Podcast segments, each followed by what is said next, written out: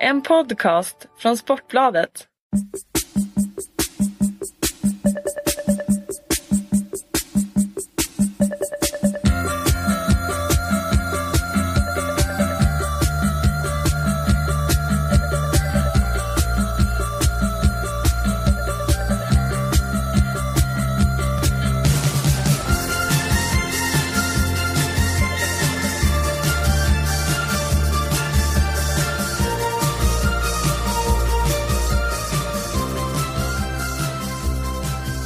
Hej allesammans och välkomna till den allsvenska podden om fotboll.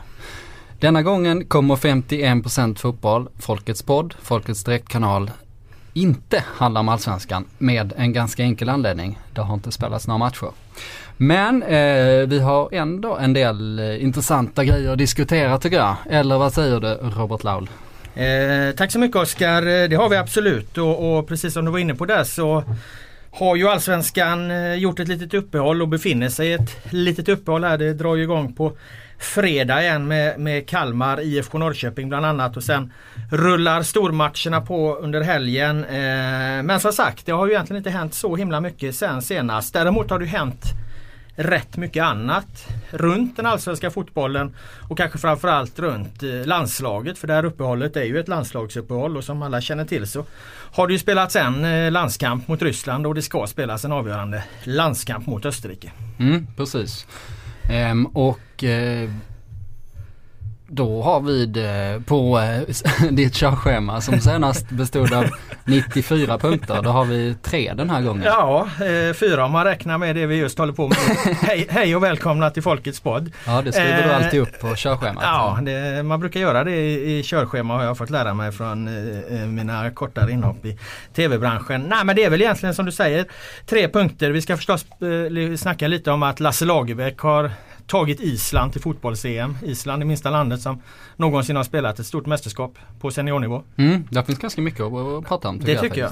Och eh, vi får ju spekulera lite hur, hur det egentligen ser ut med Sveriges eh, eventuella EM-avancemang då i och med att eh, matchen mot Österrike spelas, eh, vi spelar in detta på måndag eftermiddag, det kommer läggas ut tisdag förmiddag och matchen spelas ju på tisdag kväll då så ska det Vilket- väl inte gå några händelser i förväg men vi kan spekulera, det är vi inte rädda för. Eh, det känns som att mina sågningar som eh, nog förmodligen kommer, de kanske blir helt, helt jävla malplacerade till sist. Du menar att eh, risken är stor att du kommer få sitta här och, och, och tugga i dig ett och annat ut, uttalande framåt onsdag? Ja, Sverige vinner med 4-0 och Erkan Sengen gör alla målen. Och, ja. Vi ska återkomma till det. Vi tänkte ha två eh, eh, punkter innan där. Två eh, landslagsspelare har ju stuckit ut kan man minst säga på presskonferenser här den här veckan. Eh, först hade vi Zlatan Ibrahimovic attack på Olof Lund, journalisten, TV4-journalisten Olof Lund. Och sen hade vi Kim Källströms hyllade så kallade tal här då där han,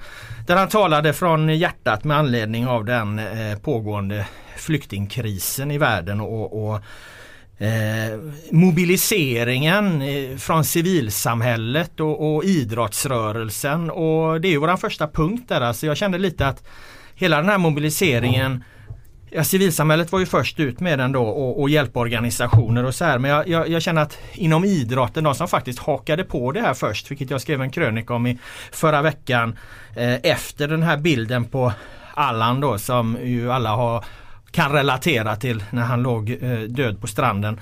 Eh, så är, var det ju någonstans, det var fotbolls, de allsvenska fotbollslagen och, och kanske framförallt deras supportrar som var väldigt snabba att reagera på det här. Mm. Och det berör ju oss i allra- högsta grad eftersom det här är en podd om fotboll och fotbollsallsvenskan. Mm. Ehm, ja, kraften det finns i idrotten eh, går nog inte att mäta med någonting annat tror jag. Ehm, det engagemanget som, som eh, man kan uppbåda för vad som helst egentligen. Eh, I det här fallet då för att engagera sig för, för att stötta och samla in pengar eh, till olika organisationer som hjälper människor på flykt och, och barn som har det svårt. Eh, och vad det är. Och den här listan som vi publicerade som förmodligen bara innehåller en fjärdedel av alla Mm. projekt som finns ute i landet. Ja, jag skrev ut den här. Alltså. ja det blir många så- papper. Så, så kraftsamlar svenska idrottsklubbar och supportrar och, och det här är alltså två helt fulla eh, A4-papper. Eh, vi har AIK då som tillsammans med Solna stad, Solna gymnasium ska hjälpa till att ta emot ensamkommande flyktingbarn. Vi har Bayern Fans som under året erbjudit flera ensamkommande flyktingar biljetter till klubbens matcher. Bromma Support samarbetar eh, med Unicef. Brynäs eh, eh har samlat in 55 000 kronor när det här trycks. Djurgården eh, gör en, en insamling tillsammans med Radiohjälpen. Dödsjöbro IF, ett skånskt fotbollslag, eh, mötte under kvällen Eh, när det här trycktes Bjärred och intäkterna för inträdet uppgick till 5600 kronor. Allt skänktes oavkortat till välgörenhet. Vi kan fortsätta vidare. Edsbyn, Red Farmers, Gais, Gripen, Trollhättan, Gulliganerna, Farsta Söder, FC Härlanda, Harry Österhammar, HC Dalen, HF Supportergrupp Kärnan, Kalmar FF, Korpen innebandy, Liverpool Sverige, Peking Ultras, MFF-familjen. Och där någonstans komma in på nästa papper då. Jag vet då... inte om vi behöver rabbla allihopa men du kan ju ta över om du, ja, om du vill. Vi... Jag har ingen luft kvar i lungorna. Molanda Goif, FC Rosengård, Sandvikens IF, Stall Colgjini, Twitter, eller Twitter. Det, var det stod att någon hade hjälpt på Twitter men det stod som en punkt. Aha, okay. ja, eh, synd att vi inte klipper den här podden. Eh, eh, Skellefteå AIK slash North Power.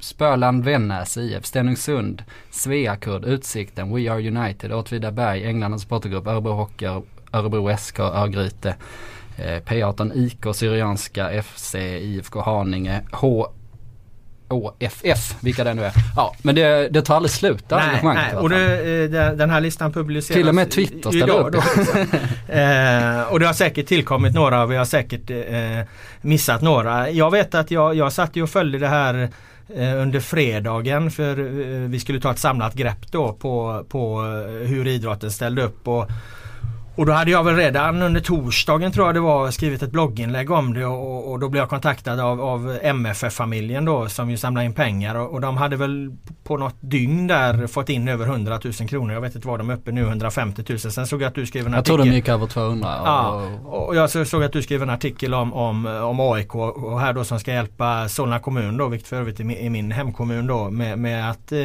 ge ensamkommande en, en, eh, en meningsfull tillvaro när, när de kommer då till, till Solna. Och Ja, sen rullade det bara på. Djurgården var, var, var, snabba på det och så vidare och så vidare. Och, nu står vi med den här listan och den är säkert ännu längre. Mm. Kanske inte minst efter eh, Kim Källströms eh, tal här då som han höll på en presskonferens på måndagen. Det kommer ju att kallas ett tal. Eh, egentligen så var det så att Kim eller det, det kom en fråga under den här presskonferensen och, och, och beskedet var väl att landslaget skulle kommunicera någonting imorgon då under matchdag vad de ska göra men Kim tog frågan rakt upp och ner och satte med en eh, en sån självklarhet ord på, på vad det här handlar om. Att är man fotbollsstjärna, är man en offentlig person så så kan man ju faktiskt göra, göra sitt för att sprida det här. Det är ju, det är ju vad, vi, vad vi kan göra. Jag vet att Aftonbladet jobbar ju också med insamlingar och, och, och, och sådana här saker. Men, men det ansvaret som man personligen kan ta, ta, ta till exempel du och jag då, och, och sådana fotbollsstjärnor som, som Kim och många andra. Det är ju att de kan hjälpa till att sprida ordet helt enkelt. Mm. Jag tror, eh, eller jag är övertygad om att, att eh, den här bilden på, på Allan, eh, den här treåriga pojken, att den blev eh, vändpunkten för många. Eh, vi har haft en, en debatt som bara handlat om eh, för och emot och, och på hemmaplan och problematik liksom. Har liksom inte lyft blicken och tittat på vad det faktiskt handlar om. Jo, människor flyr för sina liv. Mm. Liksom inte kommit där, det har varit en, en koma över hela sommaren kan man på något sätt säga och plötsligt så bara exploderar allting. Och, och Ja, um, ja, jag har ju till och med ett projekt på gång nu. Um, där vi ska spela fotboll med asylsökande tillsammans med en kompis som vi knappt har hunnit nämna. Nu nämner jag det i podden också men uh, vi ska hyra en, eh, en idrottshall över hela, hela den här säsongen. Spela en gång i veckan, alltså under hösten, vintern och våren och, och vi har ju knappt berättat för någon. Jag ser att du ser överraskad ut. Ja, men, nej, jag känner inte till Nej, eh, och vi fick ju hallhyran täckt bara genom att pipa om det till några få vänner. Mm. För att alla vill, vill stötta. Um, så uh, det där eh, projektet kan bli kul. Men jag tror många har, och det har vi tänkt på länge att vi ska starta men, men det känns som att uh, i och med den här liksom uh, tsunamin av, uh, av engagemang och känslor som poppar upp liksom att det blev lite faktorn för oss också att eh, nu jävlar, nu bara drar vi igång det liksom. Mm. Nu bokar vi den där hallen och sen så tar vi det därifrån. Ja, det, det, är självklart att det är självklart för, för eh, alla som vill eh, att hjälpa till i ett sånt här läge. Eh, men, men fotbollen och idrotten känns det kanske jag ska inte säga extra självklart men det känns väldigt självklart för idrotten för just det som, som Kim också nämner att där är man ju världsmedborgare som han nämner. Det är vi väl allihopa på sätt och vis i, i, i dagens globaliserade värld. Eh, det, det, är ju dit liksom utvecklingen har gått. Men framförallt fotbollen och, och idrotten den, den, den rör ju sig över eh, eh gränser på ett helt annat sätt. Även om liksom det är länder som möts i, i olika matcher så spelar ju eh, spelare de befinner sig i klubbar runt om i, i, i olika delar av världen. och så, så att det, jag kan tänka mig att det måste kännas väldigt naturligt liksom för för fotbolls och idrottsföreningar att hjälpa till i det här läget för att eh, alla allsvenska klubbar består ju av ett, av ett myller av människor från, från olika nationaliteter. Liksom. Där, där känns det som att integrationen har nästan har kommit liksom längst. Om man ska jämföra just inom fotbollen hur, hur, det fungerar. Där är det väldigt självklart att det spelar inte bara liksom svenska fotbollsspelare i, i ett allsvenskt fotbollslag utan här, här möts och, och, och samarbetar och, och, lever människor väldigt bra med varandra på, på alla sätt och vis och har gjort så sedan väldigt länge. Mm. Nej man har inte så mycket val i ett fotbollslag. Där måste man ta vara på sina resurser och mm. samarbeta. Det är det det handlar om. Eh, och det handlar ju såklart bara om att sparka in en boll i ett mål trots allt men eh, symboliken där är ju otroligt stark tror jag. Eh, dels med eh, att fotbollen engagerar så många, att många känner så pass mycket inför fotbollen. Men också att det finns de allra största stjärnorna, förebilderna för framförallt unga då. Mm. Um, I den här världen som, som kan ta den positionen och, och säga vad man kan tycka är eh, sådana oerhörda självklarheter. Men i ett eh, klimat som vi har här och nu i vårt samhälle så kan det, eh, finns det ju faktiskt en poäng att eh, stating the obvious på något sätt. Mm. Det finns en stor poäng i det också. Mm. Även läktarna har ju, eh, ja de har väl varit det länge men, men det har ofta påtalats eh, eh från supporterhåll då eh, när det har varit liksom kritik mot olika delar av supporterrörelsen och så vidare. Att, att läktarna är ju faktiskt en, en ett ställe där människor från, från inte bara eh, alla olika delar av världen numera träffas utan också från eh, olika, eh, liksom, olika klass och, och olika yrken. och du kan ha ett gäng kriminella i ett hörn och du, du kan ha någon bankirare i ett annat hörn som står och, och hejar på samma lag. Det, det, det, här är ju någonting som liksom har lyfts fram egentligen mer och mer i, i, i debatten hur fotbollen liksom har blivit en en eh, samlingspunkt för, för väldigt många människor. Mm. Eh, det är ju, Ryssland ska ju ha VM nu. De har ju extrema problem med, mm. med rasism på läktarna. Eh, och vilket liksom inte bara är en retorik utan en väldigt tydlig koppling till eh, olika grupper i, i samhället. Eh, vilket vi har sett massor med exempel på i, i kanske framförallt i Sankt Petersburg, Zenit men Moskva och andra ställen också. Och den rasismen den yttrar sig mot eh, alla möjliga personer. Det, det, kan vara afrikaner som kommer dit, det kan vara, eh, det kan vara folk från eh, Ja, ja Sydamerika. Jag vet att Hulk skulle varit med på, på eh, lottningen där. De hade någon eh, lottning där nu för ett tag sedan. Eh, och, och han vägrade ju ställa upp. Ja. Just för att han tyckte inte att, att uh, Putin och kompani tog uh, tillräckligt stort, uh, engagerade tillräckligt mycket i just det du säger, rasismen där från, från läktarna. Ja, och likaså mot de klubbarna som kommer till exempel från Tjetjenien och, och Dagestan och allt vad det heter, mm. den rasismen som finns där. Uh, skitsamma, det var ett, det var ett sidospår. poängen är den att rasismen är, är helt utrotad i, eh, på svenska fotbollsläktare. De, den existerar knappt. Det har varit en slags självsanering där. Eh, för att på 90-talet kunde det se ut på ett helt annat sätt mm. och sen har det långsamt då eh, eh, stävjats på olika sätt och det är liksom supporterkulturen i sig självt som har eh, städat bort det där. Jag tänker att nästa steg är att ta bort homofobin eh, och jag tror man har kommit ganska långt där också. Eh, om du skriker den jävla bögjävel till någon spelare eller vad det nu är. Ja men jag tror inte det heller går hem längre. Mm. Jag tror att eh, du kommer få folk mot det liksom att eh, nej sånt här håller vi inte på med liksom. Eh, jag tror att det kan vara nästa steg på läktaren där faktiskt.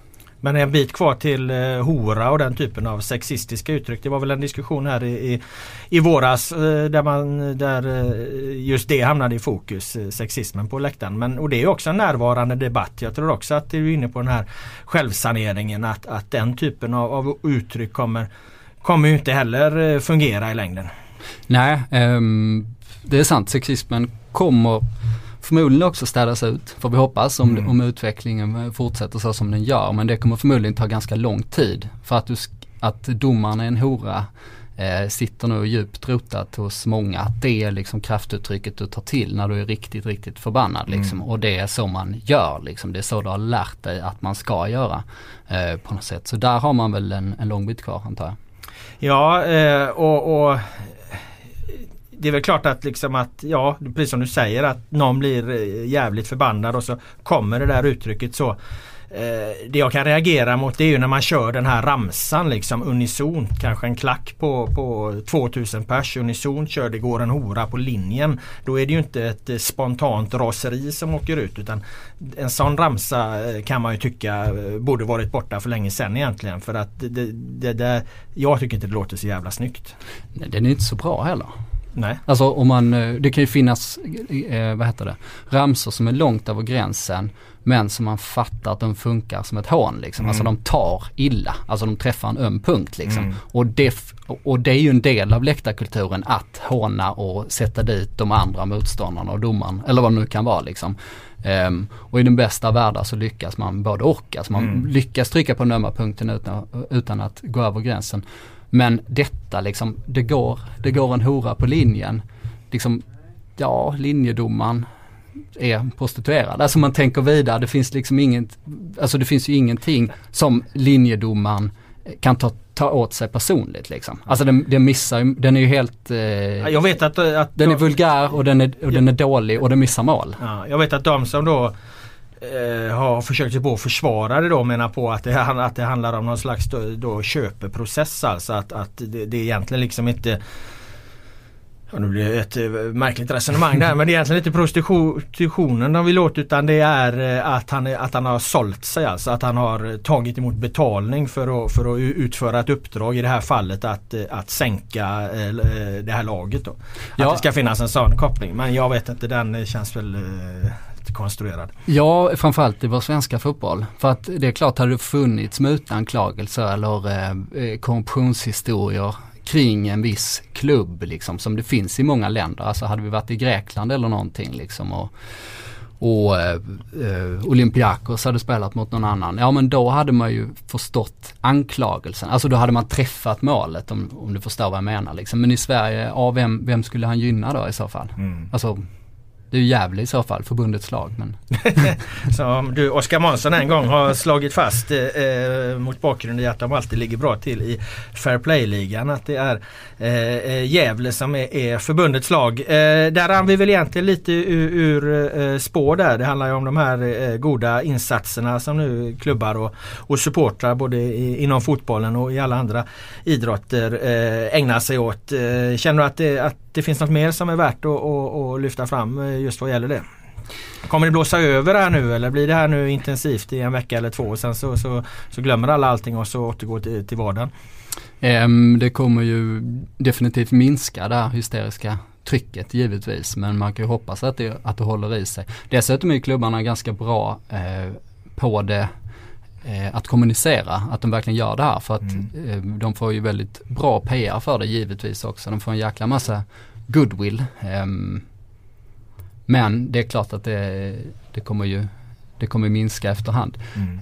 Man kan ju säga där, alltså, alltså just själva prestigen mellan klubbarna. Att om två rivalklubbar eh, eller om en rival upptäcker att konkurrenten plötsligt har en stor insamling och får ett jäkla genomslag i media och en massa pengar eh, från allmänheten så är det givetvis eh, så att de vill bräcka sina konkurrenter. Men det är ju å andra sidan världens bästa tävling. Mm. Om det blir prestige-race att bräcka varandra så, så kan ju liksom ändamålet inte vara bättre än så. Jag funderar också lite på om idrotten eh, just kan vara särskilt viktig i det här eh, läget för att Ja alla känner till eh, hur debatten går och, och en liksom sidodebatt som har blivit i, i, i kölvattnet av det här stora folkliga engagemanget kring att hjälpa till och samla in pengar och, och ställa upp på alla vis. Det är ju eh, det är de som har, har, en helt annan syn på det oftast representerade av, av eh, Sverigedemokraterna och flera av deras företrädare har gjort eh, uttalanden som har, har, har blivit väldigt eh, kritiserade här de senaste dagarna. Morgan Alling var väl ute och röt mot, mot dem bland annat. och, och och eh, ja, det har ju blivit en, en debatt kring det och eh, jag tänker lite att det jag skriver liksom på Twitter och så vidare det når ju kanske inte de jag vill att det ska nå. Det når kanske inte människor som inte tillhör ja, de som är allra mest uppdaterade på, på just Twitter och allra mest inne i debatten och så vidare. Att, att ibland talar man för en stor grupp människor där du och jag ingår och många av de supportrarna som vi brukar tjafsa med ingår som, som egentligen i grund och botten tycker ganska mycket samma sak även om vi, vi, vi liksom eh, dividerar om olika detaljer och så vidare. De man skulle vilja nå, de, kan, de når man nog inte genom Twitter. Men jag kan tänka mig att fotbollsklubbar har ett, har ett annat sätt att, att nå ut till Ja allihopa egentligen. Framförallt när det blir så himla, när det är så himla många nu föreningar och organisationer som, som, som trycker på de här, ja, så, som vi tycker, är goda värdena. Mm, um, ja det, och det är en väldigt bra poäng. För att man pratar om åsiktsbubblorna, att uh, man kan välja sitt sammanhang mm. helt och hållet nu. Uh, du, du, du, kan välja vilka nyheter du tar in helt och hållet från vilken avsändare. Uh, du kan ha helt enkelt din lilla sfär på, på nätet då. Eh, där man inhämtar all sin information ifrån och formar sin världsbild utifrån det. Och där är ju fotbollsrörelsen eh, helt överlägsen som, eh, som folkrörelse. Mm. Det är mm. jag helt övertygad om. Och, eh, jag tror Kim Källströms tal där till exempel då, det, det, det, det slår når ju väldigt brett. Det måste ju nå oerhört brett. Mm. Ja absolut. Och eh, Zlatan, största symbolen vi har i det här landet, alla kategorier, har ju gjort eh, vissa engagemang, han hade den här kampanjen för eh, för eh, fattiga och utsatta Världsungen ja. barn. Mm. Exakt, när han eh, hade en reklamfilm där han hade tatuerat en massa namn på, eh, på kroppen och eh, det genomslaget som han har ja, det, det, det, har vi ju ingen i det här landet som nej, nej, ens det, kommer i närheten av. Det, det, det, var ju ett fullständigt makalöst genomslag. Det kom ju långt innan hela, hela den här diskussionen egentligen. Det här var väl i, i våras väl. Det skulle vara när du skriver krönikor och är riktigt, riktigt förbannad möjligtvis som kan, som kan nå ut. På så. De är deras i närheten. skulle jag säga. Eh, om vi lämnar det då och i och med att du ändå är inne på, på Zlatan här nu så har vi ju en, en, en helt annan diskussion som var, var dominerande i förra veckan då. Gällande just Zlatan. Eh, och det var ju hans eh, då eh, Neverending Story fight med eh, den svenska journalistkåren och, och eh, nu för tiden är det ju då oftast eh, Olof Lund som, som eh, han ryker ihop med. Ja, han har blivit eh, symbolen för det som Zlatan inte tycker om med, med svensk media. Eh, det var ju en man som hette Robert Laul som hade den där positionen i, för ett antal år sedan, ganska många år sedan nu. Men eh, nu är det ju Olof Lund och Olof Lund har ju den rollen ofta att på presskonferenserna det är ofta han som tar eh, de lite kritiska frågorna. Det har, ja, han har tagit den rollen helt enkelt. Mm. Um, och när man tar den rollen så har man ju risken att man gör sig impopulär. Och eh, när man gör sig impopulär med Zlatan då eh, välter man hela Aftonbladets sajt med, med kommentarer och klick. Att... Men den här gången tycker jag det var annorlunda för att Ursäkta. Eh, den här gången tycker jag det var annorlunda för att eh, Zlatan, eller eh, frågeställningen är ju över, överhuvudtaget inte kritisk. Utan eh, eh, reaktionen kan ju omöjligt vara mot frågan utan det, det kändes som att det här var den gamle Zlatan som ju under hela sin karriär egentligen har letat lite så externa fiender. Jag tycker att han har, på, har gjort det mer sällan på senare år. Det kändes som, som något som var viktigare för honom förr i tiden. Att han gärna ville ha fiender. Du nämnde att jag har varit, varit där. Ja det har jag varit men det har varit Pelle Nyström och det har varit eh, Jan Maillard och det har varit Ralf Edström och det har varit alla möjliga liksom som, som man är olika. Kapelin och Frändén ja, ja. vid enskilda tillfällen men det kan ja. vara lite vem som helst. Ja och, och, och, och nu var det Lund då liksom och, och, det kändes inte som att det här handlar egentligen särskilt mycket om den här eh, frågeställningen som ju är, är oerhört harmlös egentligen där, där eh, Olof ställer en öppen fråga om att eh, är det så att du eh, ja, du ser, diskussionen handlar ju om Zlatan började se slutet på sin karriär och han säger att ja, ni kommer få veta när, när det tar slut och sen kommer Olof och, och, och lägger in att du på senare år så har du ägnat dig åt mycket kringaktiviteter och, och är det någonting som idag ger dig kickar och så. Och jag menar om du lanserar parfymer då får du vara beredd att få, få frågor om, om parfymer eller om de här kringaktiviteterna. Det är ju fullständigt självklart. Hade Zlatan varit en person som man, man, kunde ringa upp eller kommunicera med på ett annat sätt, ja då kanske de inte hade kommit på, på presskonferensen eh, tre dagar innan en fotbollsmatch. Men nu är det ju tillfället då, då svensk media egentligen har att ställa frågor till honom. Så Då kommer den ändå, det är ju, det är ju naturligt. Så det kändes mer som att okej, okay, här ville Zlatan ha, ha en ha en ny extern fiende med, med buller och brak. Absolut, nej fråga, det var ju inget som helst konstigt med den frågan. Dessutom en sån presskonferens liksom, ja alla har ju ställt alla sportsliga frågor man kan komma på mm. inför en match, eh, inför en match är det ju ganska svårt att eh, hitta intressanta frågor för då handlar ju det mesta, om vi avhandlar hur känns formen, eh, hur går det i Paris med nya lagkompisarna, eh, hur är det med skadan, bla bla bla, vad säger du om den storyn som, och ditt uttalande där. Och se, ja, vad fan gör man sen då? Mm. Jo, då får man beställa lite andra frågor. Eh, och i detta fallet Eh, alltså Olof Lund har ju ställt kritiska frågor. Eh, kanske inte så jättemånga till Zlatan egentligen, någon enskilda gång. Men han kan vara kritisk mot förbundet på presskonferenser eh, åtminstone. Men i det här fallet tog han ju världens mest harmlösa fråga som dessutom var en följd av det man pratade om. Mm. Och som du sa, dessutom, ja men Zlatan har ju lanserat en parfym. Eh, och när Zlatan lanserar någonting blir det ju en stor grej. Så, så eh, ja, det var bara personligt, ett personligt utbrott och, mm. eh, och får man bara ta liksom situationen så var det ju bara barnsligt av Zlatan. Eh, alltså en, en tjurig tonåring, eh, varken mer eller mindre. Det slog ju tillbaka mot honom eh, eh, ganska mycket den här gången. Eh, det är ju inte alltid det gör det. Jag tycker att eh, det har gjort det ibland. Eh, cykeldebaclet här med, mot Therese Sjögran där, där fick han ju en våldsam kritik. Där fick han ju så mycket kritik så han var tvungen att gå ut och, och be om ursäkt. Eh, eh, det har varit ett par, par andra sådana incidenter. Men det finns ju någon slags bild av att Eh, det är för hovsamt runt Zlatan då att, att eh, ingen vågar kritisera honom och, och, och så här. Och jag kan vända mig lite mot den beskrivningen för jag Ja, jag, funderar, jag vet inte riktigt vad det är man inte vågar skriva i så fall. Eh, jag bloggar efter, efter det här så, så skriver jag att det här är inte värdigt för en, en, en, en lands, landslagskapten. Liksom. Det här är nedlåtande och det är maktspråk och, och allt vad det är. Jag vet inte hur mycket hårdare än så man ska dra det. Eh, vi hade någon kollega som, som ville hävda att det var mobbing. Vi har eh, andra personer som hävdar att eh, eh det är totalt överdrivet från medias sida och så vidare. Så hela spektrat, hela spektrat av, av röster finns ju där. Friends går ut liksom och, och säger att det här är ett eh, olämpligt uttalande. För så som det uttrycks att han hoppas att, att Olof ska ha ont i magen då. Alltså när, man, när du bryter ut det citatet liksom inför inför alla kids och alla han är som stor opinionsbildare för så är ju inte det ett särskilt snyggt uttalande. Det, det, det får man ju hålla med om. Att dra det till mobbning, ah, det tycker inte jag det kan bli när det är riktat mot en av Sveriges tyngsta medieprofiler. Men uttalandet är ju definitivt eh, anmärkningsvärt och det tycker jag är bra att French går ut och säger det nu när landslagsledningen eh, överhuvudtaget inte säger flaska. Mm. Ja, jag vet inte riktigt hur, man, hur mycket med stora växlar man ska dra av det. Får man bara ta det som hände, ja men det var att han blev förbannad och förolämpa eh, Olof Lund.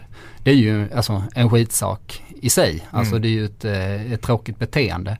Men när förutsättningarna är som de är, att Zlatan gör en presskonferens inför alla och allt han säger där eh, kommer gå rakt ut liksom. Ja, då, då, blir, då blir ju också effekten och jag tycker vi har inget val där att göra. För som du sa, hade vi kunnat eh, ta Zlatan i en mixad zon och ställa lite frågor om, någon, om någonting annat eh, så hade det inte varit på det sättet. Eh, å andra sidan, om jag ska gå tillbaks igen så fattar jag varför det är så i och med att Zlatan är en megastjärna. Men eh, man kan inte klaga på att det ställs sådana frågor. I så fall förstår man faktiskt inte hur, hur villkoren ser ut. och jag tror inte de personerna eh, som klagar på det eh, förstår eh, hur det funkar och jag tror inte de hade kunnat erbjuda något alternativ heller. Eh, det här argumentet till exempel, ja ni ska inte hålla på och eh, fråga om sånt som inte är fotboll, är ni Hänt Extra eller? Det är en sån här slentrian eh, kommentar som ofta kommer i, i kommentarsfält på Aftonbladet. Men det är ju det största skitsnacket som finns ja, ja. för att folk är så oerhört intresserade av personer. Och mm. till exempel när man gör en intervju, när man lyckas komma en person eh, lite in på livet och någon berättar en historia och man kan berätta den eh, via en intervju det är ju då folk tycker det är som allra mest intressant mm. eh, på något sätt. Så, så de, där, de där argumenten går inte ihop alls. Nej. Och det tycker jag väl någonstans om man ska sammanfatta det spår jag var inne på där att jag tycker att bilden av att medier inte vågar kritisera Zlatan eller inte kritisera Zlatan den tycker jag är fel. Det tycker jag görs när han hamnar i kontroverser. Det visar inte minst det senaste exemplet. Det finns mängder av sådana exempel bak i tiden. Det vi, där vi liksom inte inte eh, är lika bra tycker jag. Det är ju just att eh, också betrakta Zlatan ju som den extrema eh, Eh, maktfaktor och, och granska och titta mer på hans affärer i så fall. Så precis som du, det du säger där att vi, vi kan inte strunta i att ställa eh, sådana frågor. Tvärtom borde det vara mycket mer frågor och kanske mycket mer skriverier egentligen om hur hans så här, affärsimperium ser ut. Är det någon som verkligen har kartlagt det i, i detalj och så vidare. Det är egentligen en självklarhet för en så mäktig person som, som Zlatan att, att det där skulle synas eh, mycket noggrannare i sömmarna. Och då säger jag inte att det, att det liksom är något fuffens eller någonting han håller på med det påstår jag absolut inte. Men bara att, att liksom beskriva det rakt upp och ner. Det handlar inte om att göra reklam för hans produkter heller. Utan det handlar om att berätta så här ser, ser saker och ting ut. Mm, absolut, det kan man göra mycket. Eh, Olof Lund skrev ju den här eh, betraktelsen eller hans intryck av hur det var att bevaka Zlatan i Café. Det gjorde han ju strax innan den här presskonferensen. Och det är förmodligen därför som Zlatan högg på en harmlös fråga.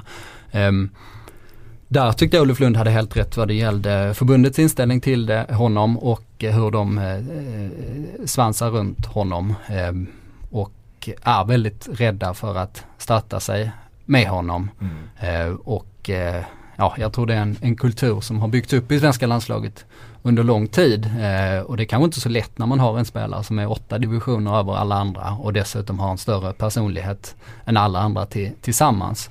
Eh, men där hade han tydlig poäng. Jag tycker också han hade en poäng med mediebevakningen. Jag vet att du har ju ofta varit kritisk mot honom. Eh, Simon Bank har ofta varit kritisk mot honom och eh, ja, Olof Lund och, och säkert några till men jag tycker också att det har funnits en inställ, inställsam inställning mot honom mm. från ganska många håll och jag tänker framförallt på efter han upphävde bojkotten mot oss som han bojkottade oss i, i många år. Eh, I två år tror jag bojkottade han alla svenska journalister. Eh, mm. pratade bara om italienska. Sen bojkottade han alla italienska istället och bytte till svenska.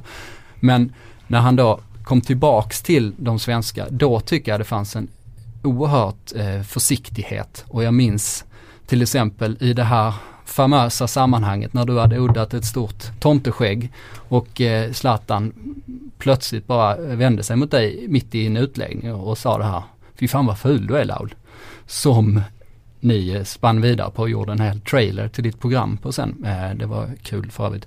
Men då minns jag att Johan Orenius som var på Expressen, som är på Offside nu, han kritiserade det mm. Eh, och sa att folk skrattar åt det, jag tycker bara det är ledsamt. Och jag minns att den krönikan eh, kändes ganska uppfriskande. Mm. Nästan så att det var modigt att säga en sån oerhörd självklarhet. Och då har dessutom Orenius gjort två större intervjuer med Zlatan. Han har suttit ner och pratat. Och han kommit liksom lite längre än vad man brukar. Han fick lite personliga berättelser och så här kom lite närmare. Den tiden eh, tycker jag verkligen att det fanns en eh, en eh, feghet och en rädsla inför, inför Zlatan. Man får tänka på också att eh, när man säger det som Olof säger så att det är ingen som vågar kritisera honom och så vidare. Men så går Olof ändå med på att det är några som vågar göra det. Eh, man, man får titta på att jag menar jag tvivlar inte för fem öre att du Eh, ett skulle liksom bli stoppad eller två inte skulle våga kritisera Zlatan. Men alla journalister har ju faktiskt ingen plattform för det heller.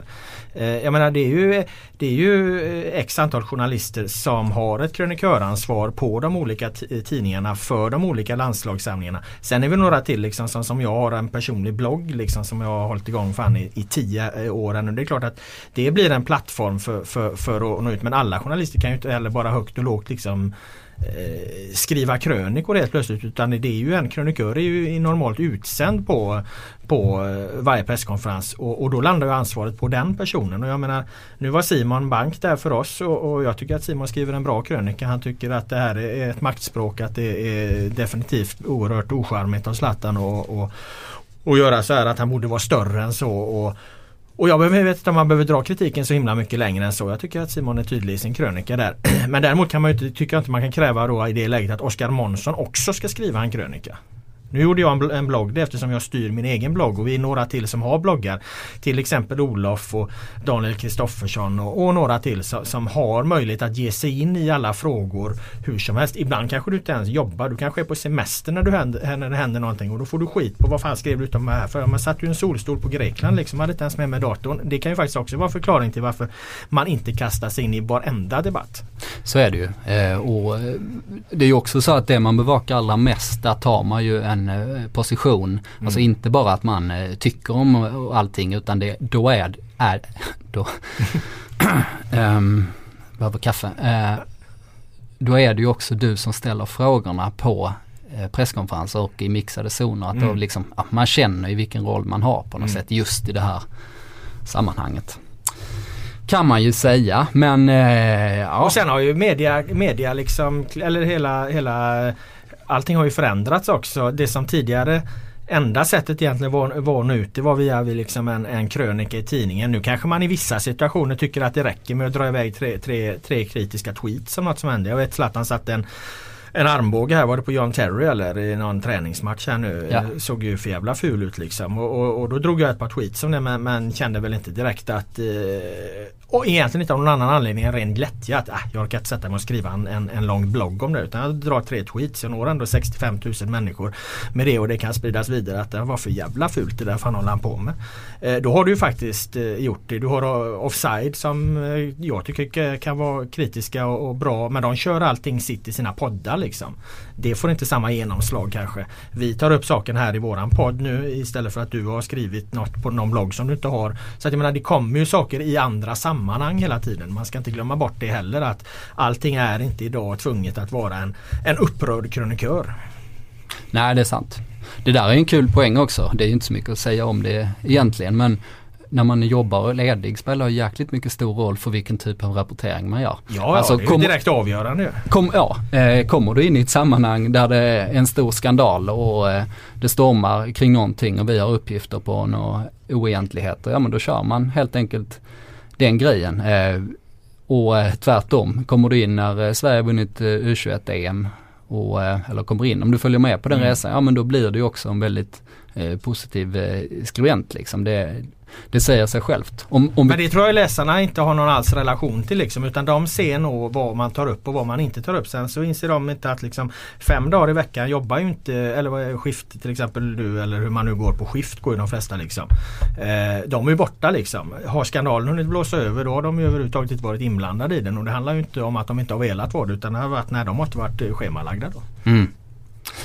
Men men, det kan man ju å andra sidan inte ställa Nej. så mycket krav på. Det, det är mer eh, bara schematekniska detaljer. ja. Jag var ledig fem dagar i veckan också sa det. det Nej men jag tänkte på de här femskiften som ja. var där. Ja, men vi, skitsamma, vi, vi säger så bara. Skitsamma, vi sammanfattar det här med att eh, Zlatan för eh, tjänade kritik för sitt maktspråk mot Olof Lund och kritik eh, har han fått. En som inte har fått så mycket kritik, om jag får göra en radioövergång, den här eh, eh veckan är Lasse Lagerbäck och ja. det ska han inte heller ha. Det är väl synd att kritisera Lasse efter de har slagit Holland. Är han på väg att bli folkkär nu eller? Lagerbäck? Ja, det är han. Han är Ja, han är nog fan det alltså. Allra högsta jag höll på att hamna i diskussion på Twitter här i veckan vilka fan är egentligen folkkära. Jag skrev om Glenn Hysén och det märker man om jag skriver om Glenn Hysén. Fan vad folk gillar honom alltså. Jävla genomslag alltså. Det delades ju något så in i helvete. Jag gjorde en artikel om Glenns eh, 10 bästa tips till ett, eh, ett gött liv där och, och, och där gick ju rakt ner i, i folksjälen. Ja det får man ju säga. Va? Det finns ju ett antal människor som, som är, är folkkära. Både liksom barn och, och äldre ska ju ha koll på dem eh, enligt mitt begrepp då. Och ja, Lagerbäck kanske är det. Mm. Kan vi inte bara stanna lite vid Sverige-Ryssland snabbt också? Jo absolut, jag tänkte vi skulle ta det efter vi hade tagit Lagerbäck. Så eh, kör vi Lagerbäcks EM-avancemang och sen går vi på Sveriges eh, väg till EM och där får vi även med Rysslandsmatchen. Okej, nej men då, att, då, gör vi, då gör vi en eh, liten... ur dig det vad du har om Lagerbäck. Alright, nej men eh, vi var ju inne på eh, korkade fotbollslag för Ja. några avsnitt sen och då tog jag ju upp eh, eh, Sverige vid två tillfällen när Sverige mötte Holland borta och när Sverige spelade mot Ukraina i EM-premiären. Eh, att det var fullständiga taktiska haverier. Och eh, mot Ryssland nu var kanske inte en, eh, det var inte en formationsmässigt haveri. För det väl inte så konstigt att spela 4-5-1 på bortaplan när man behöver en poäng. Men eh, det var åtminstone så att den övergripande taktiken vad det gäller enskilda instruktioner måste ju ha fallerat helt. Ehm, det fanns ju ingen plan. Sverige visste inte hur de skulle försvara överhuvudtaget. Nej. Om, eh, om Ryssland spelar med Zagojev som är Slutskis, eh, en av hans favoritspelare som playmaker och det är han som eh, eh, ligger bakom deras spel. Ja då får man väl försöka stänga den punkten. Det, är- det är ju inte jättesvår eh, fotbollstaktik. Och då är det väl Jimmy Durmaz man ska använda som det i 4-5-1 men han fladdrar mest runt där. Eh, samtidigt som yttrarna backade långt, långt ner och jag tänker att är man riktigt väl förberedd, har man metodiskt gått igenom på träningarna Eh, var spelarna ska stå någonstans när man försvarar, men då händer inte det här. Nej, eller också så eh, Jag tror att det finns en bild där eh, och jag hoppas inte att det inte är så illa att Erik Hamrén eh, eh, inte är medveten om det. Men jag har ju själv jag har spelat ganska mycket i, i, i, i tio-rollen liksom.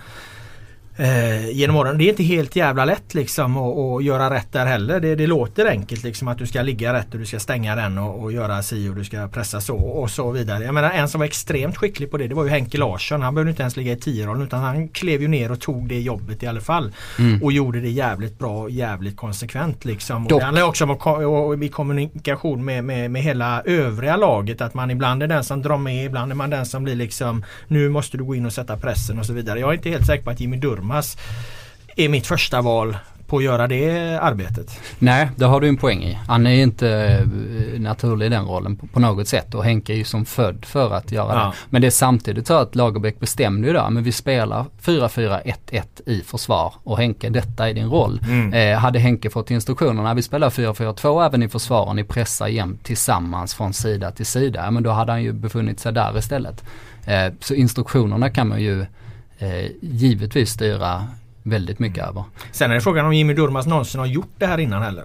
Nej det är lite jag det är lite också. osäker på liksom. Det är inte så att eh, här kommer ett svenskt landslag. eh, Du säger det, man kan inte såga taktiken. Och, nej, det kanske man inte ska göra. För ska man såga taktiken. Man kan inte såga vill- formationen. Nej, formationen. Mm. Nej, då vill jag helst se att då har man tar med fan skrivit en svavelosande krönika eller åtminstone ett svavelosande blogginlägg när den startelvan pres- presenteras. Att det här är helt fel. Mm. Då tycker jag man med, med, med gott samvete kan gå in i efterhand och, och kritisera det. Eh, Men jag har ju, man- jag kan ju inte skriva på en blogg som jag inte har. Nej nej men du har ju inte sagt att 4-5-1 var helt fel utan att det var liksom eh, eh, Det var eh, vilka spelare och vilka uppgifter liksom som som mer fallerade än själva 4-5-1. För jag håller med, det behöver väl inte vara helt fel att gå in med 4-5-1 borta mot, eh, mot Ryssland. Jag menar det är ju dessutom ett spelsystem som de har provat eh, under hösten. Så helt jävla obekant är det inte. Men jag menar eh, Jimmy Durmaz i den rollen.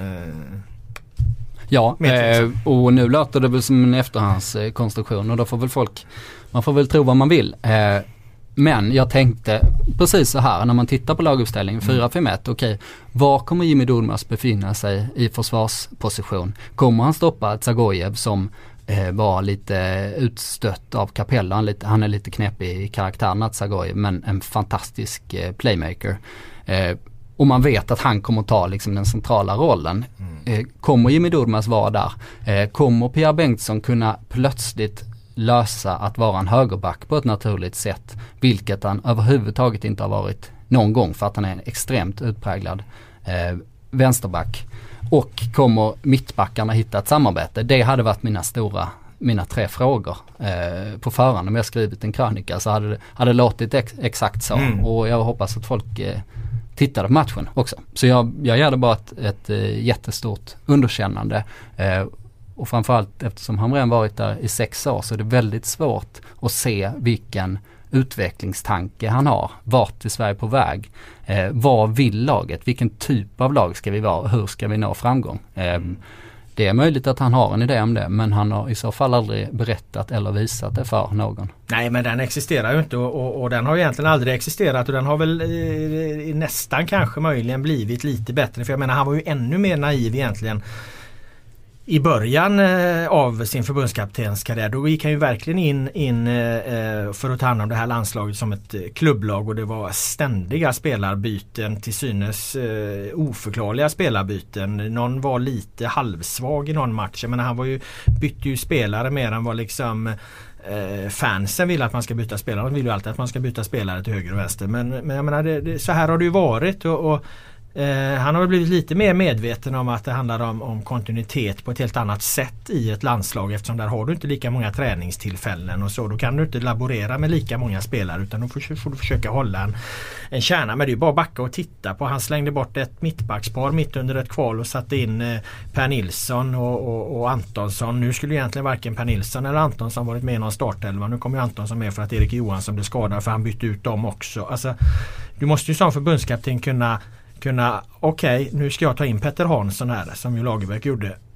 Och sen faktiskt tro på honom ett tag liksom och, och, och ha gjort eh, läxan innan du, du eh, ser honom. Alltså det, det, det, är ju det som ju i så fall gör en bra förbundskapten. Att okay, man, man, man har faktiskt en sån koll. Så man, den spelaren man sätter in den har man den vet man att han kommer fungera där. Istället för att du ständigt måste experimentera dig fram på olika sätt. Mm. Och Peter Hansson gjorde också ett fantastiskt vackert mål mot Grekland.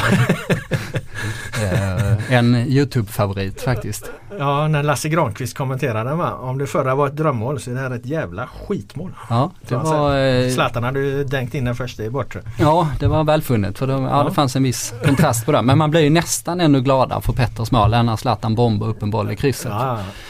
Kan man ju säga. Eh, Ja men om vi ändå kritiserar Hamrén. Eh, jag eh, halvsov mig igenom första halvlek där så jag har ingen klar analys av den. Jag vaknade fint i andra halvlek och eh, Eller jag vaknade när ryssarna gjorde mål förresten. Det var i 38 minuten va? Mm. De kvicknade till. Eh, eh, och då förstår inte jag varför Hamrén ändå väntar så pass länge med att byta in eh, byta över till 4-4-2. För jag menar om Zlatan har haft problem i första halvlek som jag förstod med, med att vara ensam, eh, ensam spets mot ryssarna. Vad kommer då Ola Toivonen inte få? Den enda som överhuvudtaget skulle kunna hantera en ensam forwardsroll i, i, i, Sverige är ju, är ju Zlatan. Ola Toivonen, Berg, Thelin och de andra de behöver ju liksom vara två liksom så man kan låsa fast bollen.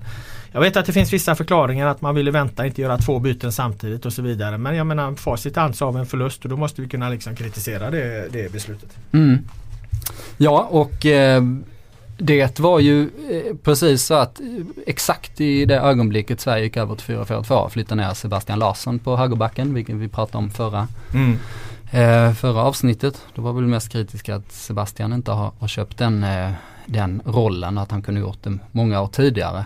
Men plötsligt så var spelarna, visste de vad de skulle göra på mm. planen. Mm. Och eh, Ja, där, där behöver jag faktiskt ingen efterhandskonstruktion för att i samma ögonblick som de bytte in så, så nu, nu kan det hända grejer. Mm. Eh, nu har Sverige en formation som man förstår. Skrev jag på Twitter. Eh, och eh, ja, vad hände? Då, började, då såg man ett fotbollslag som förstod hur man både skulle anfalla och försvara. Sen var det givetvis så att Sverige chansade lite mer och då har man ju ett större utrymme framåt. Det var ju såklart en del av det. Men om man tittar på U21-EM eller om man tittar på Island som vi kommer eh, prata om. Då får man ju ett sånt omedelbart intryck av att det här är ett lag som gör exakt allt vad de kan. De vet precis vad de ska göra i varenda given situation och de kommer göra det tillsammans. De ligger alltid nära ett maxpresterande förutsatt att det inte händer något, något eh, märkligt som man eh, kanske inte kan styra över. Och den känslan har jag inte haft med det svenska landslaget på väldigt, väldigt många år. Eh, det var nog faktiskt under Lagerbäcks tid när Sverige mötte lag som var klart bättre. Då hade man en känsla av att eh, nu ligger vi mm. eh, på ett max här. Ja det är väl alltid en kombination där. Om man tittar på liksom Lagerbäcks sista kval där. Eh, VM-kvalet 08-9 mot, mot eh, eh, Portugal och, och, Danmark är ju de, de, tuffaste motståndarna i den gruppen. Där. Och, men i, i det kvalet har ju Sverige o, o, egentligen oerhörda problem eh, offensivt.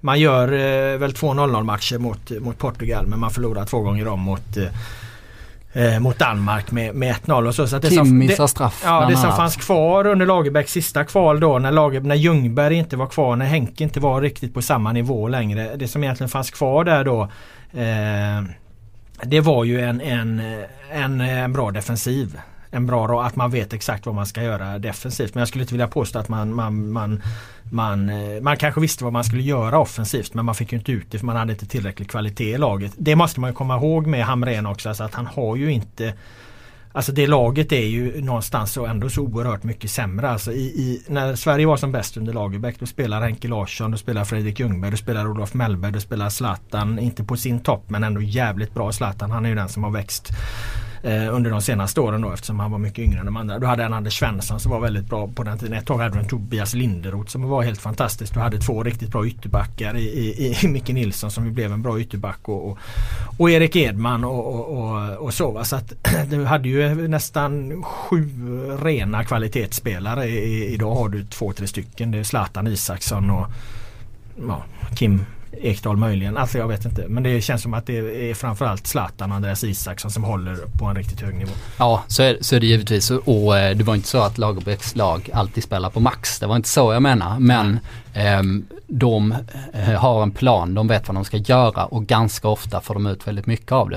Mm. Eh, självklart finns det ju en kvalitetsskillnad. Eh, det förstår ju vem som helst. Nu är det väl snarare att Sverige har en väldigt bra bredd. Alltså vi pratar ju om U21-laget. Um, och där skulle man ju kunna plocka in vem som helst i laget som hade skött sig okej. Okay. Däremot vill vi inte ha in någon för att liksom, de platsar inte riktigt. Så det finns ju en jäkla bredd av eh, spelare som är eh, hyfsade även på en landslagsnivå. Men sen är det ju kanske problem med den extra kvaliteten och det försvårar ju också ett kontinuitetsarbete för då finns det kanske inte de självklara valen. Alltså en sån dimension måste man ju också givetvis eh, väga in. Men om man tittar på de två senaste kvalen så har Sverige inte gjort särskilt många bra matcher. Man har spelat 4-4 mot Tyskland vilket var en, eh, en bragd eh, med de förutsättningarna som fanns då. Givetvis men annars är det väldigt många underkända insatser och vinsterna har ju kommit mot de absolut svagaste mm. många gånger ganska knappt. Så var det i och för sig på Lagerbäcks tid också och mot de här mellanlagen som Sverige kanske har ett normalläge 60-40 mot eller ja, 65-35 eller något i den stilen har det ofta blivit eh, max 3 poäng. Hej, jag Ryan Reynolds. På Mint Mobile, we like to do the opposite of what Big Wireless does. They charge you a lot, we charge you a little. So naturally, when they announced they'd be raising their prices due to inflation, we decided to deflate our prices due to not hating you. That's right. We're cutting the price of Mint Unlimited from $30 a month to just $15 a month. Give it a try at mintmobile.com slash switch. $45 up front for three months plus taxes and fees. Promo for new customers for limited time. Unlimited more than 40 gigabytes per month. Slows. Full terms at mintmobile.com. Och givetvis förluster mot alla som är bättre. Mm. Eh, ändå så eh, ska det mycket till om Sverige inte ska nå ett eh, EM-slutspel. För även om de nu skulle tappa eh, direktplats så eh, de här treorna som kvalar. Du ska ändå ha rätt otur med, med lotten om det ska bli ett helt omöjligt motstånd i, i ett playoff då i och med att eh, tredje lag. Det är klart det skulle kunna bli Holland nu. Mm. Men det har man ju sett att Holland är inte vad Holland var. Holland är väldigt långt från vad Holland var. Ja, Först som... förlusten mot Island och sen utskåpad av, av av Turkiet. Eh, men jag vet inte hur mycket vi ska gå in på förutsättningarna där. Jag menar vi har en match, eh, match som ska spelas här ikväll mot, eh, eller imorgon kväll då mot Österrike. Mm. Eh. Och den har ju Sverige alla chanser att vinna givetvis. Mm. Österrike är ett, ett, ganska bra kollektiv. Alaba som eh, jättestjärna och eh, men annars inte ett särskilt spetsigt lag. Eh, det är många gedigna spelare men det är, men det är trots allt inget skrämmande motstånd faktiskt. Nej men de är ju inne i en, en djävulskt positiv trend i det här kvalspelet. Ja, det, det, det, får man ju i alla fall eh, ge dem. De kommer till den här matchen med ett, med ett helt annat eh, självförtroende än vad jag eh, inbillar mig att Sverige gör. Eh, det verkar lite tveksamt om, om Zlatan ska spela här nu. Det blir väl ett 4-4-2 måste det bli i vilket fall. Måste ju spela med, med, med, två anfallare på hemmaplan här i, i den här matchen i och med att det Ja men dels avslutningen då givetvis mot, äh, mot äh, ryssarna att det blir, blir lite bättre då och framförallt om inte Zlatan är från start så måste du ha två anfallare. Mm, och det kan å andra sidan äh, aldrig vara eh, tillfälle tror jag där man kan sakna Zlatan mindre än vad vi skulle göra i, i en match mot Österrike nu. För att det finns en sån enkel lösning. Ja, okej vi behöver spela med två anfallare och eh, till exempel starta med Kiese Thelin och Marcus Berg. Eh, eh, funkar ju väldigt bra. Det är bra, ovanligt bra ersättare. Det har mm. inte funnits sådär jättemånga eh, formstarka och liksom pålitliga anfallare i Sverige på de, på de senare åren. Det har ju liksom alltid gått upp och ner. Men Kiese Thelin som man eh, vet exakt vad man får av och Marcus Berg som är i riktigt, riktigt bra form. Ja, det är ett anfallspar som, som funkar bra. Eh, framförallt på hemmaplan där man förväntas eh, föra spelet. Mm. Jag tror på kryss om jag ska tippa. 1-1, 2-2 någonstans där. Ja. 3-3 kanske. Tippar inte du alltid kryss i alla matcher? Nej, alla derbyn tippar kryss. ja, detta är ju inget derby. Det, kan man, nej, det kanske inte nej, man kan dra det till. slutar alltid 2-2. Men det brukar alltid tippa 2-2. Men nej, det här var mer en känsla. Det, jag tänkte faktiskt inte på det men det, du, har, du har poäng. Men, jag, ska eh, säga att Sverige vinner om Berg och Kiese Thelin startar på topp. Okay. Eh, annars eh, säger jag förlust i så fall. Aha. Även om Zlatan startar alltså? Ja, ehm, då har ju Sverige givetvis en bra chans också. Okej. Okay. Det kändes som en, eh, eh, det var inte ett kryss, det var en ett kryss två du drog till. Men Zlatan när man startar, det kan ju mycket väl vara så här att han eh, får gå ut efter en halvtimme för att han har ont. Um, och Zlatan är dessutom en sån spelare som att när han inte är i form så har han, eh, presterar han oftast väldigt dålig, dåligt. Mycket som hänger ihop med hans fysik, alltså han har väldigt mm. tung och stark kropp men när han är lite, står lite på hälarna, ja då får han inte uträtta så mycket. Mm. Men när han lutar sig framåt och kroppen funkar, och då vet alla vilken nivå det är. Det ser man ju över säsonger också för när Zlatan kommer in i de här sjoken av, i toppform så är han ju fullständigt ostoppbar. Då mm. dominerar han ju precis vilken match som helst. Men sen så om det kommer en skada så tar det ett litet tag innan han kommer tillbaks från den. Jag vill fråga dig avslutningsvis här, jag ska rusa iväg till min bil som står parkerad. Eh, Island klara för EM där och du var inne på Lagerbäck och, och, att lagen under honom, Sverige alltid visste vad de gjorde. Hur mycket är Lagerbäcks, eh, du som har studerat det här lite noggrannare och skrev en bra krönika i i helgen var det väl eh, efter Hollandssegern där. Eh, hur mycket är Lagerbäck, eh, hur mycket Lagerbäck är det över att det här avancemanget kontra att de har en, en god och bra generation och ett, ett välkomponerat lag och en, en hyfsat bred trupp? Mm, det, det kan väl vara 50-50. Många har ju bilden av att Lagerbäck har har... Eh, han lirar själv mer eller mindre. Ja, han har tagit ett, ett, ett, ett lag som aldrig någonsin varit nära att kvala in eh, mm. till något mästerskap. Är jag rätt säker på. Eh, jag har svårt att se när det skulle kunna vara. Det får gärna någon tipsa om i så fall vilket kval det skulle vara när Island hade en chans. Men sen tog han ju dem nästan till VM vilket är en mycket större prestation. Mm, för då var de ju playoff där eh, mot Kroatien var de föll mot. Ja, VM-kvalet. de eh, kryssade borta men förlorade ja. hemma i det där kvalet. Och det var ju verkligen en överprestation. Men i det här kvalet så eh, Alltså det är ju inte prestationen att de går till EM som är det stora utan prestationen är att de går till EM i, med två matcher kvar genom att spela 0-0 hemma mot Kazakstan i en riktigt svår grupp mm. mot Holland, Turkiet och Tjeckien. Det är ju mm. helt makalöst att de gjort det här. Eh, samtidigt ja, den är tuffare än Sveriges grupp den här.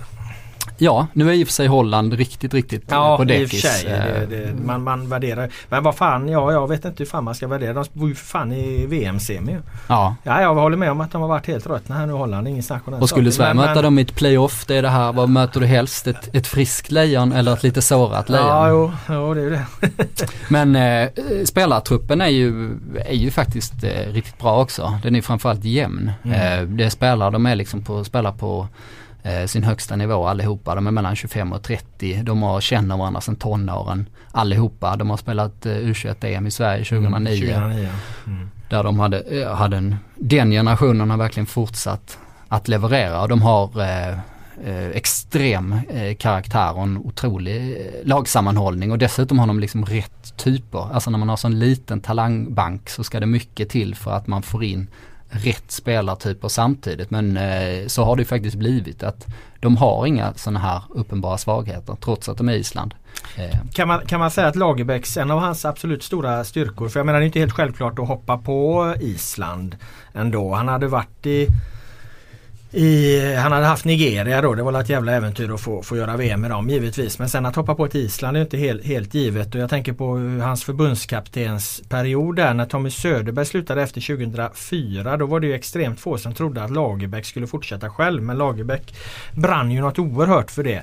Eh, och han klev sen också av av egen vilja efter misslyckade kvalet 2009 och sen dess har vi som sagt haft en mycket svagare trupp. Är, hans, är Lagerbäcks absolut största styrka känner jag kanske någonstans också är att identifiera Eh, generationer och förutsättningar och trupper. Vad finns det egentligen för möjligheter att göra bra resultat med, med, med ett lag här? Nigeria är undan, undantaget då, det var, det var ju någon annan sak. Men just, just hur han hanterade Sverige, just genom att han var så oerhört på att faktiskt, faktiskt fortsätta 2004 och, och ta Sverige då till två mästerskap till.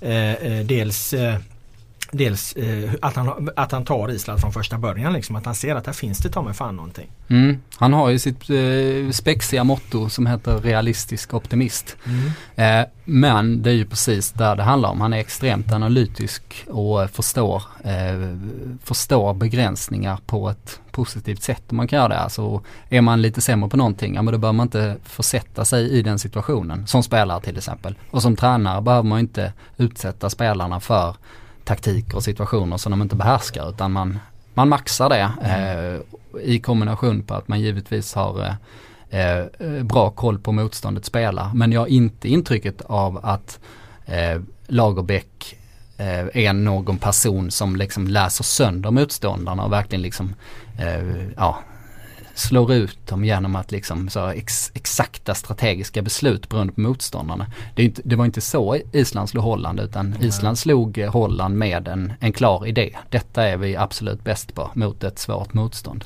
Jag tyckte han var många gånger eh, mer än egentligen han, han kanske eh, minns, man minns honom nu men under tiden han hade Sverige så var han extremt skicklig i, i många matcher. Eh, att, för, att liksom vända i, en, i slutet, att göra rätt byten. Jag tänker på när man kvitterar mot Danmark. Jag tänker kanske framförallt på när åker underläge och helt utspelad av Tyskland VM 2006 i åttondelsfinalen där och, och, och får Teddy Lukic utvisad. Och alla krävde ju någonstans att här måste man gå på 3-5-2 eller på 3-4-2 då, liksom, spela med en trebackslinje istället. Nej men då byter ju, eh, byter Lasse ut Kim Källström liksom. Behåller formationen eh, 4-3-2, två anfallare. Lite som eh, Håkan Eriksson gjorde sen i, i, i U21-EM och vänder ju faktiskt den här matchen mot Tyskland. Det är ju egentligen det är ju egentligen Henke Larssons straffmiss som gör att vi inte minns det där som en, en rysare. För hade Henke Larsson satt 2-1 mot, mot Tyskland Sverige lyckas ju svänga den här matchen på ett, på ett bra sätt. Bland annat genom, genom bra byten. Jag tycker han, han har gjort fler sådana eh, matchförändrade byten eh, eh, än vad han idag erkänns som, som matchcoach eh, för ändå skulle jag säga. Mm. Jo, de exemplen har vi. Sen vet jag inte exakt hur det var i Nigeria och sånt där. Men Nej. om det är liksom något som man är konsekvent bra på, det är svårt att säga.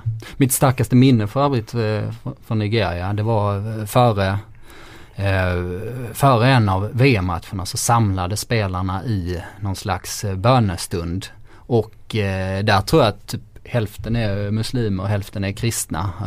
och någon kanske är någonting annat också. Eh, så det blev en väldigt speciell bönestund där alla stod i en ring och liksom folk eh, hämtade kraft från, eh, från alla möjliga håll. Och Lagerbäck stod där då liksom från den svenska föreningsmyllan mitt i allting. Och, och då minns jag att, att Expressen frågade honom hur det var liksom. Och då sa att, då svarade Lagerbäck att det var som vanligt. Sa han. ja. Lagerbäck känns väl inte som personen som hämtar liksom hjälp av, av högre makter där utan han tror på han tror på 4-4-2. Han gör det. Eh, och eh, det var ju härliga scener också. Framförallt i Holland. När det blev någon slags eh, kollektiv glädjerus, eufori, sånt som det bara kan bli när man gjort något fantastiskt tillsammans i idrottssammanhang. Jag tror inte Holland har förlorat på över 30 år på hemmaplan. I, mm. och Island gav vinner där. Och Lagerbäck rörde inte så många miner. De andra fick hoppa runt honom. Han jublade ju för fan inte ens igår när de gick till EMet väl. Jag satt ju och letade febrilt efter att få fram någon bild där från slutsignalen när han jublade. Det var ingen som hade någon. Ja. En kul parallell där med Zlatan och Lagerbäck. Man kanske inte skulle säga att de är eh, tvi tvillingbrödrar. De, Tvillingsjälar. Tvillingsjälar heter det. Det skulle man kanske inte säga. Det skulle man kanske inte göra. Eh, men Lagerbäck verkar också hämta ganska mycket energi utifrån faktiskt. Alltså han tror ju alltid på sin idé Mm. och han är ju motsatsen till en populist. Men till exempel i hans sommarprat visade det sig att han hade en, en oerhörd, eh, oerhört agg gentemot eh, liksom ett slags etablissemang och media och sånt här liksom. Nu visar alla för att de, de vill inte det här liksom. Och de sa så här, dessutom höll han sig inte till sanningen heller för att Eh, han beskrev det som fakta men, men han raljerade ju mest över hur, hur eh, idiotiska och hemska pressen kunde vara till exempel. Han, han verkar, det verkar, verkar sitta väldigt, väldigt djupt hos honom. Men det kan ju också vara en drivkraft, liksom det mot Zlatan, att man tar energi eh, utifrån. I Lagerbäcks fall påverkar det inte hans gärning eller hans metodik men man kanske eh, kan hitta någon slags eh, inspiration att fortfarande liksom vilja så mycket. Eh, han är ju 67 år och har gjort det jag, mesta. tyck, jag tycker det är lite synd att han har den bilden för att eh, eh, där blir det också igen man talar liksom mot folks magkänsla. Nu har folk en magkänsla av att Zlatan får alldeles för lite kritik. När det gäller Lagerbäck så är folks magkänsla att, de, att eh, Lagerbäck fick alldeles för mycket kritik. Men alltså jag vet ju, jag var, var ju med under alla dessa år och skrev om det. Alltså han vart ju oerhört hyllad. Jag menar, han Allting tar- utgår från dig han du? nej men jag, har- jag, jag har ju suttit med och skrivit artiklarna liksom. Jag vet ju vad fan vi skriver. Jag vet vad som står i arkiven.